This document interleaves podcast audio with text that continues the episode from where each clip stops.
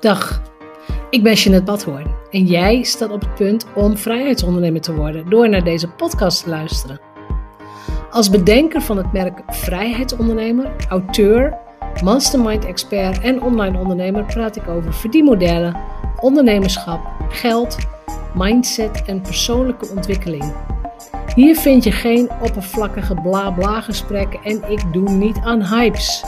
Deze podcast is een combinatie van jarenlange ervaring, ondernemerskennis en identiteitscoaching. Om jou te laten zien dat succes ook voor jou mogelijk is. Als je meer vrijheid en omzet wilt, als je wilt groeien als mens, als je oprecht en authentiek bent, dan is deze podcast voor jou. Ik ben blij dat je luistert. Welkom weer, dit is aflevering 163. Ja, en vandaag praat ik weer over een van mijn lievelingsonderwerpen: geld. Geld. En ik heb iemand gevonden, Leonie Verheul. Zij heeft een, een, nou ja, een bankaire achtergrond, om het zo te zeggen. En zij heeft zich heel erg verdiept, en dat vind ik super interessant, in de rol van geld in vrouwenlevens. Dus met name, hoe word jij ook als, als kind al behandeld, als meisje?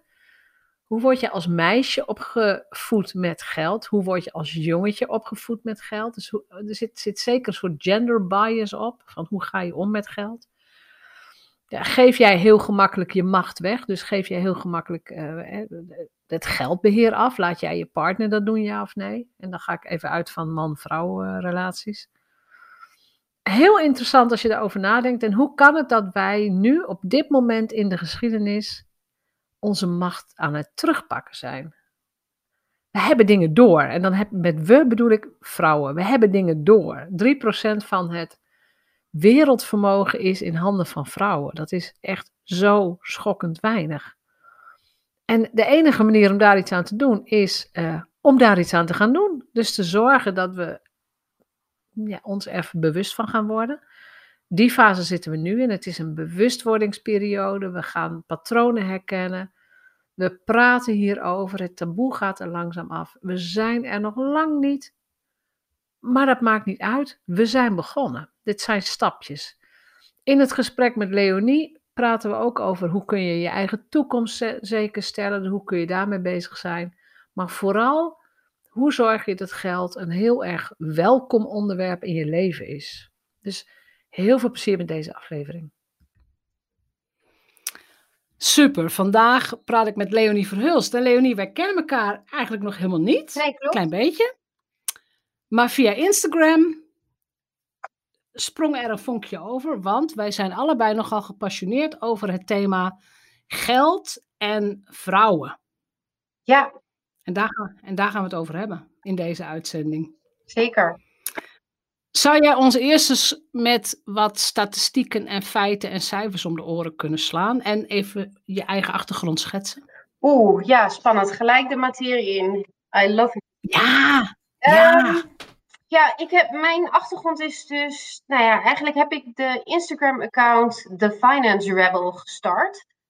En waar The Finance Rebel eigenlijk voor staat, is dat ik eigenlijk gewoon meer geld in de handen van vrouwen wil krijgen.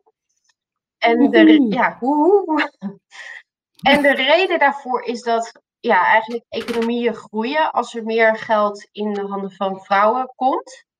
En soms moet ik heel even spieken, want uh, bijvoorbeeld uit een rapport van McKinsey uit 2015 blijkt dat de wereldwijde economie met 12 biljoen zou kunnen groeien, dollar. Um, gewoon als er meer geld in de handen van vrouwen komt. Dus economieën groeien, maar de leefomgeving van vrouwen verbeteren ook. Omdat ja. uh, uit World Economic Forum heeft uitgezocht dat vrouwen gewoon weer in hun eigen kring dat geld wat zij ontvangen weer teruggeven aan eigenlijk de eigen leefomgeving. Ja, en, die kopen geen Lamborghinis en zo. Nee, nee, nee. Die zorgen gewoon dat eigenlijk de hele omgeving, en daarom zie je dat sommige ontwikkelingsprogramma's ook op die manier zijn ingesteld dat ze meisjes of vrouwen Ehm, supporten, zodat ook een community gewoon geempowered wordt. En uit onderzoek van Elvest, dat is een um, Amerikaanse uh, ja, beleggingsorganisatie, maar zij empoweren ook vrouwen. Dus ze zijn met name gericht op vrouwen. Ze doen financial coaching, maar ook uh, investeringsmaatschappij. Zij zeggen dat als vrouwen bezig gaan met hun geld, dus hun geld gaan managen, ze ook zelfverzekerder worden van dat geld. Dus dat is, zijn eigenlijk redenen om daarmee bezig te gaan. En om nog even met mij te beginnen, is dat ik inmiddels al 13 jaar, ja dat klinkt echt heel lang, maar mhm. werkzaam ben in de financiële sector. Ik heb iets meer dan 10 jaar uh, bij uh, Deloitte gewerkt. Uh, binnen de Risk Advisory Practice. Uh, altijd binnen banken, verzekeraars, pensioenfondsen. Um, nooit gestart met beleggen, terwijl ik best wel wist hoe dat in zijn werk ging. Uh, en nu iets meer dan 2,5 jaar bij een grote Nederlandse bank. En toen, ja. 2,5 jaar geleden, dacht ik, ja, ik wil dat toch, ik wil daarmee starten, ik wil daarmee beginnen. Het FIRE-principe um, was me duidelijker geworden. Ik heb me daar heel erg in verdiept. Uh, maar wat, ook, wat is het FIRE-principe? Uh, financially independent retire early. Dus dat je geld opzij zet met de gedachte dat je op een gegeven moment meer nou, financieel onafhankelijk wordt. Dat je niet per se meer in loondienst of als ondernemer hoeft te werken om jezelf te kunnen bedrijven. Cool. En dat sprak me gewoon onwijs aan. En toen kwam ook uh, een boek wat ik heb gelezen uh, van Sally Krawcheck. Zij is de eigenaresse van Elvest, dus waar ik het eerder over had. Mm -hmm. En zij heeft een boek geschreven, ik heb het hier liggen, uh, Own It. En zij is bij, bij Wall Street eruit gekikt um, van een best wel hoge positie. En zij ging een beetje soul searching doen en zeggen van, ja, waar, niet per se waar lag het nou aan dat ik eruit ben gegooid, maar meer van vrouwengeld. En dat was echt een eye-opener voor mij. Dat um, wij nog steeds hele andere boodschappen meekrijgen over geld als mannen bijvoorbeeld. Ja. Um, ja. En dat we bijvoorbeeld heel vaak als vrouwen om de oren krijgen van ja, maar jullie werken ook altijd part-time of um, ja, jullie gaan altijd voor de makkelijkere baan. Maar dat het veel dieper ligt dan dat. Dus ja, ja, weet je. Dat, wat, wat is dan die diepere laag? Ja, meer de patronen die we, uh, niet zozeer ikzelf, maar ook de vrouwen voor mij, mijn moeder, mijn oma, hebben meegekregen. Ja. Um, het was volgens mij, dan moet ik ook weer even spieken, 1956, toen was mijn moeder denk ik een jaar of negen, eh, was bij wet vastgelegd dat vrouwen handelingsonbekwaam waren in natuurlijk. Dus dat je als je iets een financieel product wilde afsluiten of als jij een hypotheek wilde hebben, dan kon jij feitelijk niks. Uh, dan had je nee. altijd je man nodig. Dat was tot en met 1956 ja. zo. En dat, dus dat is, is dat... nu 65 jaar geleden?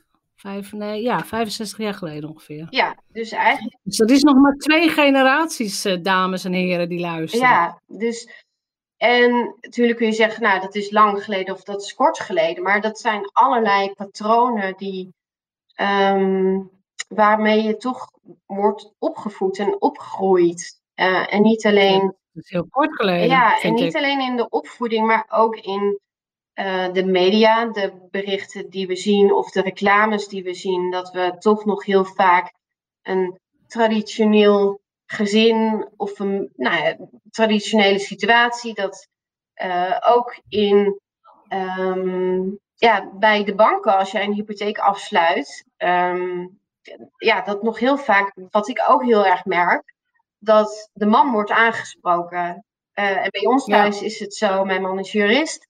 Uh, ik heb wat meer kaas gegeten van de financiële, nou ook door mijn achtergrond van financiële zaken. Dus ik ben dan meestal het logische aanspreekpunt. Maar voor uh, verzekeraars of banken is er nog heel vaak uh, de man die wordt aangesproken. En ja, ja. Ga maar eens een auto even, kopen. Precies, ga maar eens een auto kopen.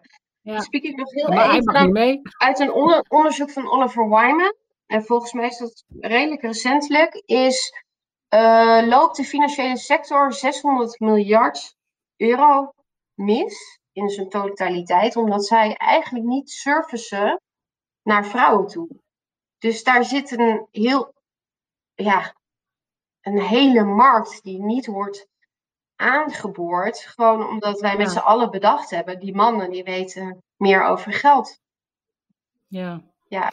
Dat is wel schokkend, maar je hebt wel gelijk. Het is echt nog maar heel jong. Want ik ben van 1966. Mijn moeder die moest haar baan opgeven Ja. toen ze zwanger was. Dat is, nou ja, twee, drie generaties, nou ja, twee generaties geleden misschien. En wij zijn eigenlijk de eerste generatie die zelfstandig een huis zou kunnen kopen, die een auto kan kopen, die, die, die iets kan. Ja, en Dus van wie hebben wij het moeten leren? Ik bedoel, Ja, welke rolmodellen heb je zelf. dan? De rolmodellen Ja. die wij hebben zijn dan heel anders dan die mannen hebben. En zo is Ja. het ook dat eh, uit onderzoek, en dat onderzoek heb ik toevallig niet bij de hand, maar ehm, dat nog steeds blijkt dat jongetjes meer zakgeld krijgen dan meisjes. Dus zelfs in onze onderbewust, want ik denk dat het heel vaak ook onderbewust zijn, omdat we een soort van zijn geprogrammeerd of ja, ingesleten of Ja. welke termen je daar ook voor wil gebruiken, is dat, dat een soort van Pavlov-reactie van, oh ja, de boodschap die wij jongetjes geven is, oké, ga het maar proberen. En voor meisjes over het algemeen, want dit zijn ook weer een soort van, ja, eh, het geldt niet voor iedereen. Eh, tuurlijk eh, zijn mensen zich daar steeds meer van bewust. Maar over het algemeen krijgen jongetjes de, de boodschap, nou, probeer het maar. Of toon een beetje bravoure. En voor meisjes over het algemeen nog, nou, doe voorzichtig of kijk uit. Of... Dus dat zijn ook Ja. bepaalde boodschappen die je meekrijgt met of het ondernemen, of het geld verdienen, of ja, hoe je met geld omgaat. Dus Klopt. ja, Dat is dus ook een taak, vind ik, een taak van de moeders. En ook wel van de vaders, maar goed, die hebben het misschien niet eens echt door.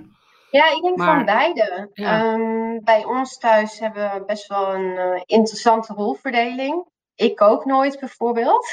Dat doet mijn man. Nee, Maar we hebben soms wel eens discussies aan tafel. En dan moet ik ook eerlijk gezegd ook wel eens slikken dat mijn dochter of mijn zoon dan zegt van ja, maar mama, jij kan ook niet koken.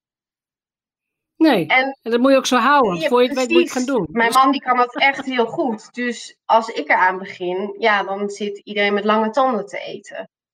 Maar ik vind het eigenlijk heel mooi dat wij die eh, rolverdelingen, en blijkbaar hebben ze het daar in de klas ook wel een keer over gehad, dat nou, sommige andere kinderen dat ook heel gek vinden. En dat mijn Ja. kinderen mij dan verdedigen, wat ik dan wel weer heel mooi vind. Ja, het is bij ons net zo. Mijn man doet ook de boodschappen. Ja. Hier ook. En, en hij kookt en hij werkt fulltime. Dus Ja. ja. Maar het, grap, het Ja. grappige is wel dat je zegt dat het de rol van de moeders is. Want ik vind het. Ik ben me ook heel erg van bewust dat ehm, als het gaat over een, ehm, de emancipatie, dat het ook de opvoeding voor mij misschien nog wel belangrijker is hoe ik mijn zoon opvoed. Nog ineens ja, de boodschap die ik Dat mijn ik dochter meegeef, maar eh, de manier dat mijn zoon wordt opgevoed en dat hij Ja, ja, wat hij kan verwachten in straks een relatie, nou ja, welke vorm dat ook gaat hebben. ja, klopt. Dat is bij ons net zo. En, eh, en mijn dochter is de jongste van drie. Dus ik heb twee zoons en een dochter. En mijn dochter is wel de grootst verdienende hoor. Die, eh, die, die krijgt het meeste geld naar zich toe. Die heeft altijd geld. Goed is fantastisch. dus. Ja, schijnbaar. Ja. Ja, ja, nou ja, het, ja, het zit er misschien ook in, ik weet het niet. Ehm, wat, wat kunnen wij als ondernemer, want jouw missie is natuurlijk meer geld in handen van vrouwen. En kijk, als ondernemer is dat natuurlijk veel, is het makkelijker roepen, hè? Van zorg dat je een bloeiend bedrijf krijgt en zorg dat je, nou ja, dat je geld naar je toe krijgt. Maar wat zou eigenlijk de eerste stap moeten zijn in, gewoon in het grote geheel? Meer geld naar vrouwen. Ja, want eh, ik krijg soms ook vragen van vrouwen van oké, hoe moet ik beginnen? Of wat moet ik doen? Wat is de eerste stap? Of ik wil ook beginnen met beleggen. Eh, en soms help ik ze dan op weg door gewoon vragen te stellen van ja, hoe, hoe zie jij, ja, wat voor beeld heb jij over als je straks nu, maar ook in de toekomst? Wat, wat is jouw droomleven? Wat, waar, ja, waar, waar Ja. ga je van aan? En, en wat, wat voor middelen heb je daarvoor nodig? En, maar ook wat voor persoon ben jij? Heb je liever dat je bijvoorbeeld, want er zijn verschillende manieren om te beleggen of te investeren of te werken aan die financiële toekomst. Nou ja, we weten inmiddels allemaal dat als je het op de, de spaarrekening houdt, dat het je eigenlijk door inflatie gewoon geld kost. Dus dat is zonde. Ja. En die inzichten met mijn account wil ik in ieder geval die inzichten meer geven. Dus ik heb gemerkt, ik heb uh, bedrijfskunde gestudeerd. En wat ik altijd merkte bij de mannen, is dat zij altijd onderling een beetje, oh ja, ik beleg hier ook, kun je dit in mijn portefeuille zien? Is gewoon dat gesprek over geld hebben. En, ja, normaal. Ja, en wij vinden dat als vrouwen, om maar lekker even te generaliseren, soms heel lastig. Of denken we dan een soort van schaamte daaromheen. Ook weer door die boodschappen die we hebben meegekregen. Dus die bravoure die jongens meekrijgen. En kijk eens hoe goed ik het doe. Hebben wij meer, denk ik, dat we wat ingetogen zijn over onze successen. Nou ja, dat wijst zich ook uit in, in salaris en, en dat soort uh, kwesties is dat we gewoon meer delen. Dus meer delen van ja, wat voor omzet draaien bijvoorbeeld. Ook al weet ik dat dat winst, omzet, begrip best wel een heikel punt is. Maar ook waar loop je tegenaan? Wat vind je lastig? En, en vind je het lastig om een bepaalde prijs te vragen? Uh, hoeveel geld beleg je per maand? Hoe ziet je portfolio eruit? Ik heb bijvoorbeeld geen enkele moeite om dat met mensen te delen. Om gewoon om daar heel transparant over te zijn. Omdat ik denk dat dat het startpunt zou kunnen zijn. En dat we van elkaar leren op die manier. Ja, ja en als je vanuit het FIRE-principe werkt, dus uh, wat, wat, hoe, waar stond het ook weer voor? Fina uh, financially independent, retire early. Financially independent, retire early. Ja, dan is het eigenlijk ook het start with the end in mind Zeker. van Stephen Covey. Dus ja, want het doel, vanuit het uh, FIRE-principe ja, en er zijn verschillende manieren waarop je daar zelf invulling in kan geven. Want sommige mensen die, die knijpen dan de theezakjes uit om uh, geld te kunnen besparen om dat weg te leggen. Nou, dat is niet mijn stijl. En ik zou het ook echt niemand aanraden om te doen, omdat ik denk dat een schaarste mindset je zeker niet gaat helpen. Um, maar ieder moet voor zichzelf bekijken van wat zou voor mij werken en wat zou ik fijn vinden. Ook ten aanzien van het risico dat je wil lopen. Of wil je daar nou, iedere week mee bezig zijn, iedere maand? Of heb je zoiets, nee, ik stop er erin, ik weet dat het rendeert, ik weet dat het iets doet. Um, ja, dat verschilt heel erg. En ik denk dat je jezelf gewoon heel veel vragen zou moeten stellen.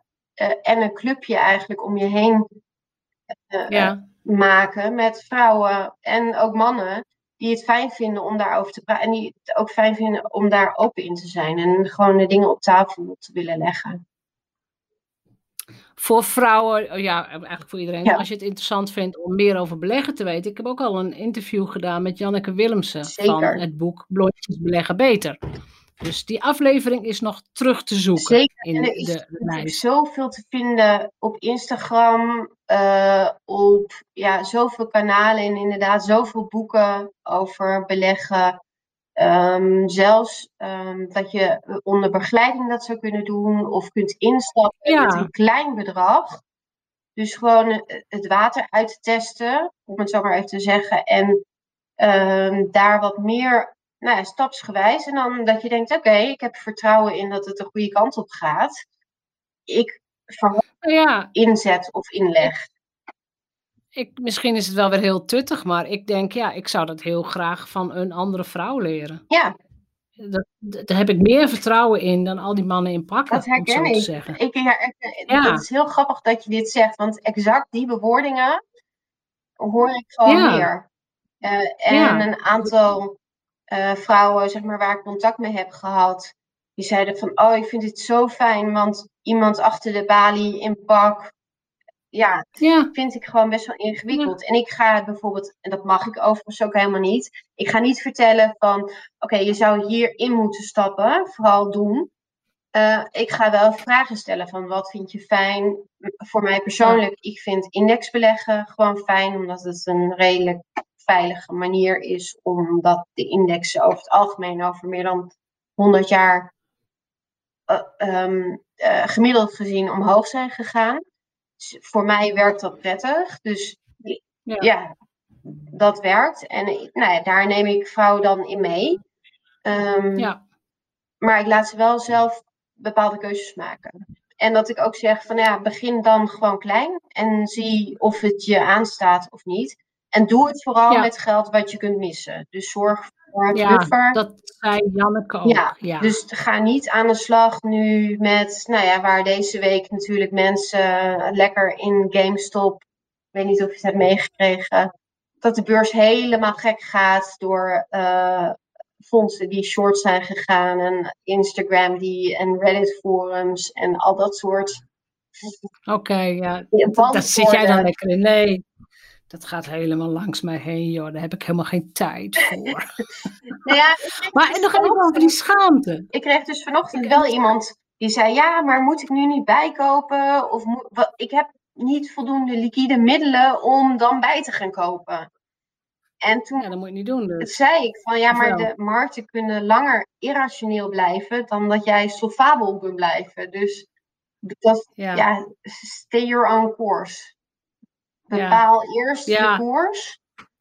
Maar het is wel fijn dat je dat dan even met een expert kunt overleggen. Dat je zegt van, goh, dit, ik voel dit, maar moet ik het nou ook echt doen, ja of nee? Ja. Dus daar ga, je, daar ga je gewoon een hele belangrijke rol in Ja, dus ik zeg niet, doe het niet. Ik zeg, ik probeer dan wel met bepaalde informatie dan te zeggen, oké, maar weet je het zeker?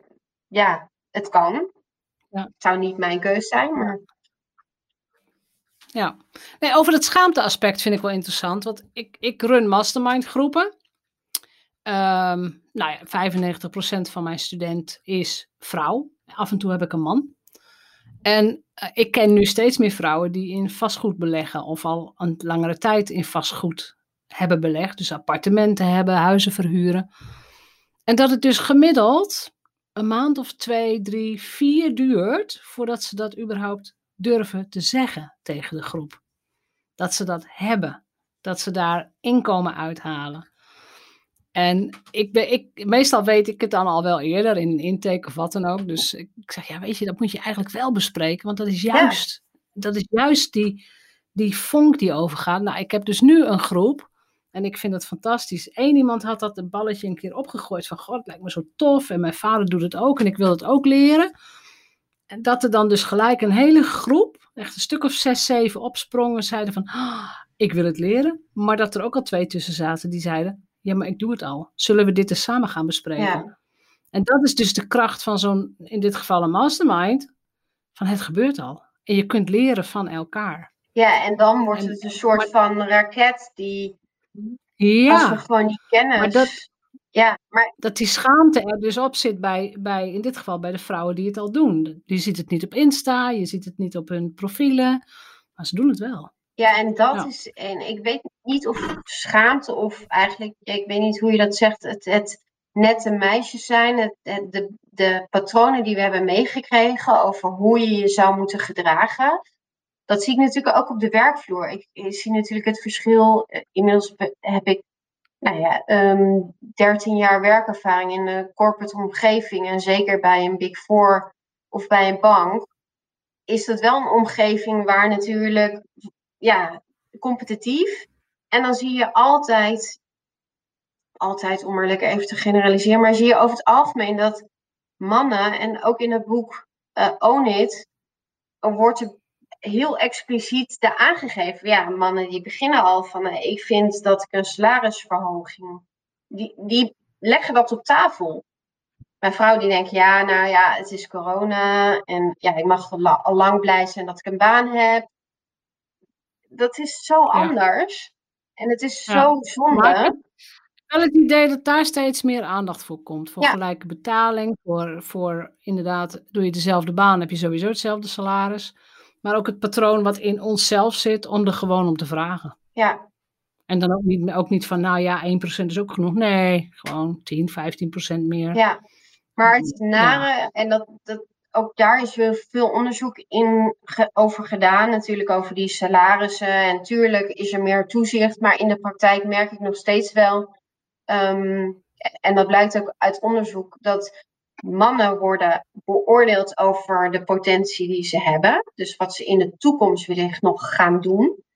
Uh, en wat iemand anders in, in hen ziet. En dan heel vaak ook van, oh, die lijkt op mij, dus ik, ik zie hem dat wel doen. En vrouwen worden eigenlijk afgerekend op wat ze in het verleden en de projecten die ze gedaan hebben. En maar die potentie, dat is helemaal zelfs geen onderdeel van die beoordeling. Dus ja, ja dat hele. Ook omdat de beoordelaar nog vaak de klassieke man is, in feite. Ja, nou, er zit maar één ding op, dat gaat veranderen. Alleen, ik weet niet of wij het nog meemaken, maar de generaties na ons zullen hier geen genoegen meer mee nemen. Dat is mijn hoop. Nee, en wat ik ehm, in ieder geval probeer met de Finance Rebel, is dat ik kijk van hoe kan ik het positief benaderen. Onlangs was er de documentaire Waarom werken vrouwen niet? Ik vond die titel bijzonder lastig, om het zo maar even te zeggen. Ja. ja. Omdat ik merk dat in dit debat heel vaak de, de schuld, om maar even over een schuldvraag te hebben, bij vrouwen wordt gelegd. Vrouwen moeten um, aan de slag en die moeten schop onder hun kont krijgen, want die zijn niet financieel onafhankelijk. En zij moeten maar veranderen. En wat ik in ieder geval met de Finance Rebel probeer, is vrouwen meer kennis te geven over beleggen, over personal finance, over al die financiële kwesties om ze beter geëquipeerd en minder schaamte te voelen over als ze bepaalde dingen niet weten of als ze denken, ja, maar hier heb ik geen kaas van gegeten. In heel veel gevallen geldt exact hetzelfde voor mannen. Alleen die zeggen, oh ja, nee, I'll figure it out along the way. En, en vrouwen die willen bijvoorbeeld eerst weten exact hoe beleggen werkt, van A tot Z. Zoals ik weet dat niet. Ja. Maar, en dan pas beginnen. En dat is zo zonde. Want als je niet begint, dan mis je gewoon een heel deel aan het vermogen. En ik wil juist vanuit een positieve mindset niet de schuld bij de vrouwen leggen. Want die krijgen al bij het schoolplein bijvoorbeeld van als je er wel staat, dan heb je het verkeerd. En als je er niet staat, is er ook iets mis. Dus you're damned if you do, you're damned if you don't. Dus ja wat ik in ieder geval niet wil, is zeggen: jullie moeten veranderen. Maar meer: hier heb je lessen, hier heb je inzichten, hier heb je statistieken, hier heb je beelden. Ja, om... ik weet niet meer wie het zei, maar ik, het was in elk geval Barack Obama heeft er ook wel eens over gezegd: feminisme is helemaal geen vrouwenkwestie, feminisme is nu een mannenkwestie. Ja. En, uh, en, en, ik heb zoiets van: nou ja, dat is natuurlijk een beetje wij zijn, maar wij willen wel.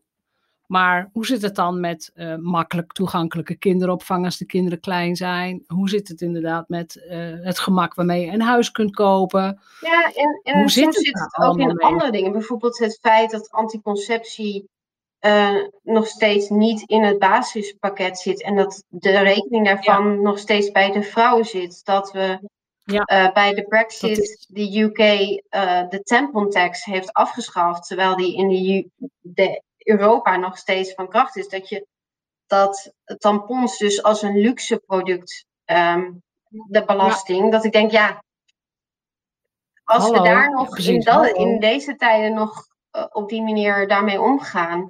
Uh, en ja. dus ook eigenlijk de financiële sector, waar ik ook onderdeel van uitmaak. Dus onvoldoende rekening houdt met de wensen van vrouwen. Ja, dan, dan denk ik dat daar ook nog wel een wereld te winnen is. En dat het zeker niet uitsluitend aan vrouwen ligt. Nee, dit is veel breder. We hebben nog maar, uh, even, dan moet ik even tellen, 102 jaar kiesrecht, ja. bijvoorbeeld. Dat is ook nog maar net. Dus het is veel breder, het is op alle vlakken. Het is, het is met, met, met werk, het is met Um, zelfs, ik heb ook iets gelezen over uh, vrouw, scheermesjes voor ja, vrouwen. Dat die, als ze roze zijn, zijn ze een stuk duurder. Zodra ze roze zijn, ja. Ja, of een roze rekenmachine. Ja, dan zijn ze ook duurder. Ja. Ja, 20% nou ja, rekenmachine, dat, nou ja, dat zal dan nog. Maar, maar dingen als inderdaad anticonceptie, uh, maandverband, tampons, uh, dat moet gewoon, dat is geen luxe artikel, jongens. Kom nou toch. Nee, en ook dat, dat is dus. Nee. Um, ja, in Ierland bijvoorbeeld nu gratis verstrekt wordt, omdat er dus ook in Nederland gewoon meisjes naar school gaan die geen maandverband of tampons kunnen kopen. Ja, ik denk dan in Nederland, ja. Ja, ja dat kan echt niet. Dat, ik zou, weet je, ik zou wel een soort tampon sponsorfonds willen hebben. Dat je gewoon zegt, weet je, dan betaal ik elke maand wel wat voor al die meisjes die dat niet kunnen regelen. En ik denk, weet je, dat, dat, ik denk echt dat wij dit, wij als vrouw, dit moeten wij aan zelf aanbrengen en zelf in de discussie brengen. Want de gemiddelde man heeft dit niet eens door. Nee, dat het, het leven van vrouwen is gewoon duurder. Dus ik, en ik geloof ook niet dat voor de overheid of de financiële instellingen, en weet ik dat die over het algemeen niet heel snel bewegen. Dus ik denk dat het een soort van power to the people. Um, dat de verandering sneller komt. Dus als we inderdaad elkaar meer inzicht geven in financiën. En dus dat, dat een gespreksonderwerp laten zijn. Dus hoe, ja. ja. hoe doe jij dat? Hoe doe je je administratie? Of hoe doe je hoe doe je, je price setting? Hoe doe je uh, je aangifte? Heb je nog tips en tricks? Uh, heb je nog. Ja. Ja, en, en hoe ben jij gestart met beleggen? En welke, bij welke broker zit jij? Of bij welke bank bankier jij? En ben je daar tevreden over? Al dat soort vragen, stel ze. En ik nodig mensen ook uit, stel mij die vraag. Niet dat ik alle antwoorden heb, maar soms is het al fijn om daar samen uh, over te hebben en daar samen misschien uit te komen. Precies, dat is ook een mooi bruggetje, want we zijn ook bijna door de tijd heen. Mensen kunnen jou denk ik het makkelijkste vinden via Instagram. Zeker. Het account heet The Finance Rebel met dubbel L-E op het eind. Ik zet de link ook in de show notes, dus dan kunnen mensen jou vinden en eventueel een DM'tje sturen. Uh, ik zal ook de link naar jouw LinkedIn profiel in de show notes zetten. Heb je al een website? Wordt eraan gebouwd? Um, doel voor, voor dit jaar. Doel voor dit jaar, oké. Zodra die af is, stuur je mij de link. Zet ik hem alsnog in de show notes. Want ik weet dat mensen soms maanden later nog naar dit gesprek luisteren. En we nemen dit op in, uh, in het begin van 2021. Dus dat gaan we er gewoon bij zetten. En ik roep met name ook vrouwen op die dit horen. Stuur mij ook berichten. Eh, naast dat je Leonie een bericht stuurt, maar stuur mij ook berichten. Want hoe cool zou het zijn als er ineens tien vrouwen zijn die zeggen: Wij willen samen wel een soort financial summit gaan organiseren. Wij willen onze kennis wel gaan delen. We willen dingen online gaan doen. Ja, te gek. Want inmiddels ken ik er veel meer die hiermee bezig zijn. En het is zo'n belangrijk onderwerp. Ja. En dan zo'n weg af te leggen. Maar... En nog zo, maar ja, we zijn ermee bezig. We kunnen ook niet alles in één dag. Weet je, we zijn gewoon de eerste generatie pioniers. En zo moeten we dat ook maar op, eh, op, oppakken. Dus dat gaan we doen. En ik doe heel graag mee aan zo'n summit vanuit de money mindset of vanuit de geldarchetypes. Gewoon ook heel erg leuk om te weten. Maar ja, dingen over beleggen moet je mij dan weer niet vragen. Er zijn weer andere experts Zeker. Voor. Dus, tof. Ontzettend dankjewel ja, voor dit gesprek. En ook voor de inkijkjes in al die dingen die wij nu nog te doen hebben. En de generaties na ons ook nog, denk ik. Ja, ik vrees het wel. Ja, ja. dat geeft niet. We moeten ergens beginnen. Dankjewel. veel dank. Bedankt voor het luisteren naar de Vrijheidsondernemers Show. Geef de show een review op iTunes. Als vrijheidsondernemer werk je waar, wanneer en met wie jij wilt. Dat gun ik jou ook. Ik weet dat het kan. En bij de juiste keuzes is vrijheid ook voor jou mogelijk. Op jouw vrijheid. Oh ja! Laat een review achter op iTunes. Abonneer je op deze podcast. En laat mij weten wat je ervan vindt.